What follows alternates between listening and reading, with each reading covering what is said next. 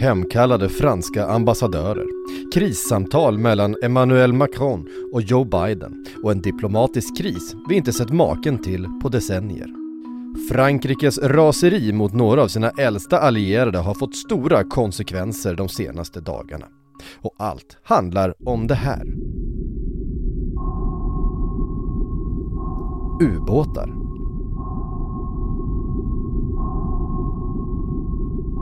Djupt nere under vattenytan, nästan omöjliga att upptäcka, patrullerar de våra hav. Helt centrala för den försvarsmakt med en kust att bevaka. Och få länder har mer av den varan än Australien.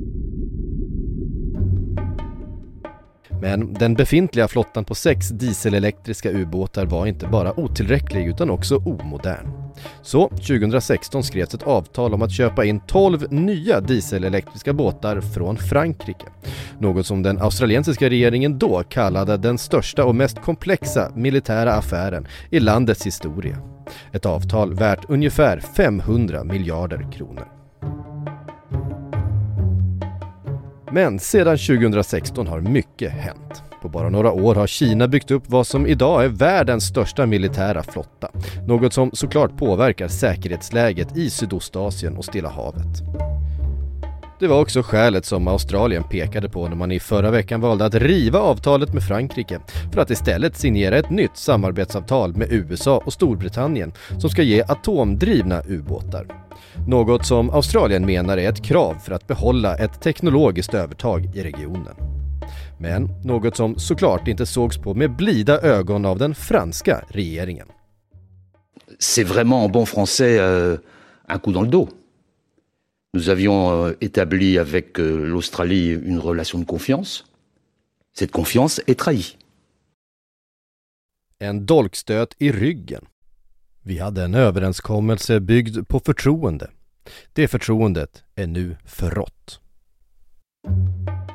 Så beskrev den franska försvarsministern agerandet från Australien, USA och Storbritannien. Och bara någon dag senare kallades ambassadörerna från Canberra och Washington hem. En stark diplomatisk markering i en djupt infekterad konflikt länderna emellan. Mitt namn är Patrik Syk och med mig för att prata om de skadade relationerna och vad de kan få för konsekvenser har vi med oss Anna Wisslander, Nordeuropachef på Atlantic Council, som får börja med att ge sin egen reaktion på den uppkomna konflikten. Ja, det här har ju exploderat eh, över Atlanten senaste veckan och eh, svallvågorna är stora och jag tror att det kommer få konsekvenser ett, ett bra tag framöver, in, även in eh, här på nästa år. Frankrikes utrikesminister beskrev ju det här som en dolkstöt i ryggen och har kallat hem sina ambassadörer från eh, både USA och Australien.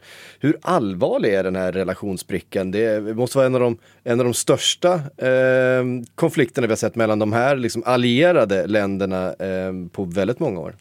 Vi brukar jämföra det med eh, kriget mot eh, Irak, eh, början av 2000-talet. Så det här eh, är ett tag sedan det var så här hett eh, över Atlanten. Det stämmer. De kallar det för svek i, i, i Frankrike. Hur ovanligt är det att sådana här saker händer? Att den här typen av eh, enorma uppgörelser mellan, eh, mellan länder som är allierade faktiskt går i stöpet på det här sättet? Det händer inte så ofta men jag tror det är viktigt att se det i vilken tidsskeende det här händer. Vi har en ganska kraftigt eskalerande global eh, stormaktskonkurrens och en, en förvärrad situation där Kina eh, har byggt upp och eh, ganska kraftigt eh, militariserar på olika sätt. Eh, och detta ser ju USA och sen ska man inte glömma Australiens ganska utsatta position eh, som också ligger bakom detta. Detta gör man ju inte bara för att vara taskig mot eh, Frankrike, så enkelt är det ju inte. Eh, utan det handlar om att Australien sen eh, senaste åren, alltså man slöt det här avtalet med Frankrike om ubåtarna 2016 men sen 2017 och framåt så har det eskalerat påtryckningarna från Kina. Eh, man har behövt lagstifta särskilt för att undvika och kunna eh, slå tillbaka när kineserna försöker påverka de demokratiska systemen och spionera i Australien. Man har fått välja bort Huawei, 5G-nätverket Ehm, eh, och man har nu på senare tid också utsatts för kraftiga handelshinder och eh, i princip ett handelskrig av Kina. Journalister har fängslats i Kina och så vidare. Så att eh, Australien är utsatt på många sätt av en slags eh, mobbning från Kina, starka påtryckningar och det är det här säkerhetspolitiska läget Kinas upprustning, Kinas ökade maktambitioner som man också ska se den förändring i sin strategi som Australien nu genomför genom att, att uh, samarbeta med USA och Storbritannien på det här sättet framöver. Hur påverkas NATO och framförallt hur ställer sig NATO till den här frågan? Frankrike, USA och Storbritannien är ju, är ju NATO-allierade. Ja, det har inte kommit någon officiell eh, officiellt ställningstagande från NATO men eh, man kan ju se här att det här är en eh, kommer bli en spänning inom NATO. Eh, frågan om hur man ska ställa sig till Kina har redan varit uppe för diskussion. faktiskt fanns den inte på agendan före 2018. Det säger någonting om Kinas globala liksom, roll och hur den har ökat bara på de allra senaste åren. Men nu är det en pågående diskussion och Eh, Eh, här handlar det ju om eh, hur, hur ser man på hotet, eh, hur kraftigt är det, hur stort är det? Ehm, EU och Frankrike har ju en annan linje där man inte har velat riktigt ta den eh, handen som USA sträckt ut i med Biden-administrationen. Biden ser världen och det kommande årtiondet som en kamp mellan demokratierna och autokratierna som man säger i Kina men också Ryssland. Där, där han vill se en allians av, de, av demokratier som verkar mot Eh, Eh, Kina, EU, Frankrike, Tyskland och flera andra länder duckar ju inför den här beskrivningen och vill inte dras in i detta utan man vill kunna ha bibehållna handelsrelationer med Kina samtidigt som man kanske markerar lite ökad närvaro i, i Asien men inte eh, går fram lika hårt då som, som USA till exempel. Och det här påverkar och kommer påverka NATO. Exakt hur vet vi inte för NATO ska ha en översyn av sitt strategiska koncept som styr inriktningen kommande årtiondet. Och den ska till och formuleras nu här under våren 2022 och framåt. Och eh, då är ju så i NATO att det är konsensus, alla allierade måste vara överens om skrivningar och så vidare och, och eh, Frankrike eh, med det som har hänt, den, hur, man, hur sviken man nu känner sig då från de två största allierade USA och eh, Storbritannien i NATO. Jag tror att detta kommer bli eh, krångligt. Mm. Ehm, det kommer eh, flera uppgifter om att Biden och Macron ska ha ett telefonmöte eh, någon gång de här närmsta dagarna, eh, kanske samtidigt som vi står här. Hur viktigt är det att bygga upp den här relationen igen mellan, mellan USA och Frankrike? Nej men det är ju extremt viktigt och eh, jag brukar säga så här att liksom, Frankrike har varit en ovillig allierad i NATO. Man lämnade under många år NATOs gemensamma kommando och man har lite gått sin egen väg och sådär. Men no, samtidigt så är eh, USA och Frankrike varandras äldsta allierade brukar man säga och Frankrike vill ju ha en nära relation med USA och vice versa.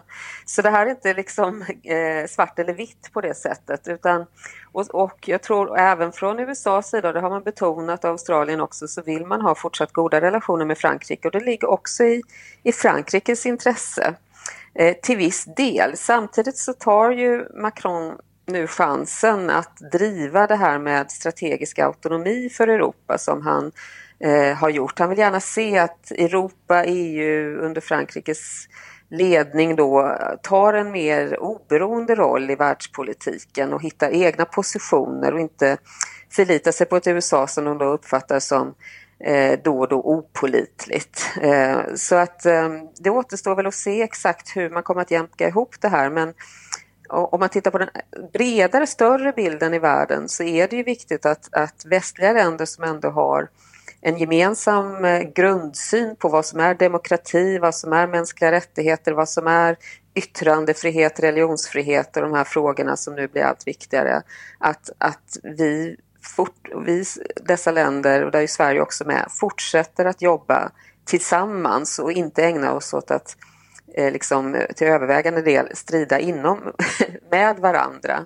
Det är ju det vi måste komma bort ifrån. Så på något sätt måste man ju jämka ihop sig här eh, och, och sy ihop och lappa ihop relationen. Det finns ingen annan väg. Eh, det kommer också varningar här om att den här uteblivna affären kan få väldigt negativa eh, konsekvenser för den franska försvarsbudgeten framöver. Eh, I tider då det eh, franska försvaret står för ganska stora utmaningar, eh, både i Medelhavet men också med alla relationer man har till Mellanöstern.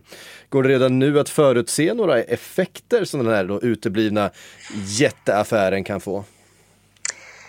Franska, franska försvarsmakten har ju varit eh, så att säga har ju haft eh, uppdrag ute runt om då, inte minst i Sahel och Mellanöstern och sen har haft sina soldater på plats i krävande uppdrag under ganska lång tid.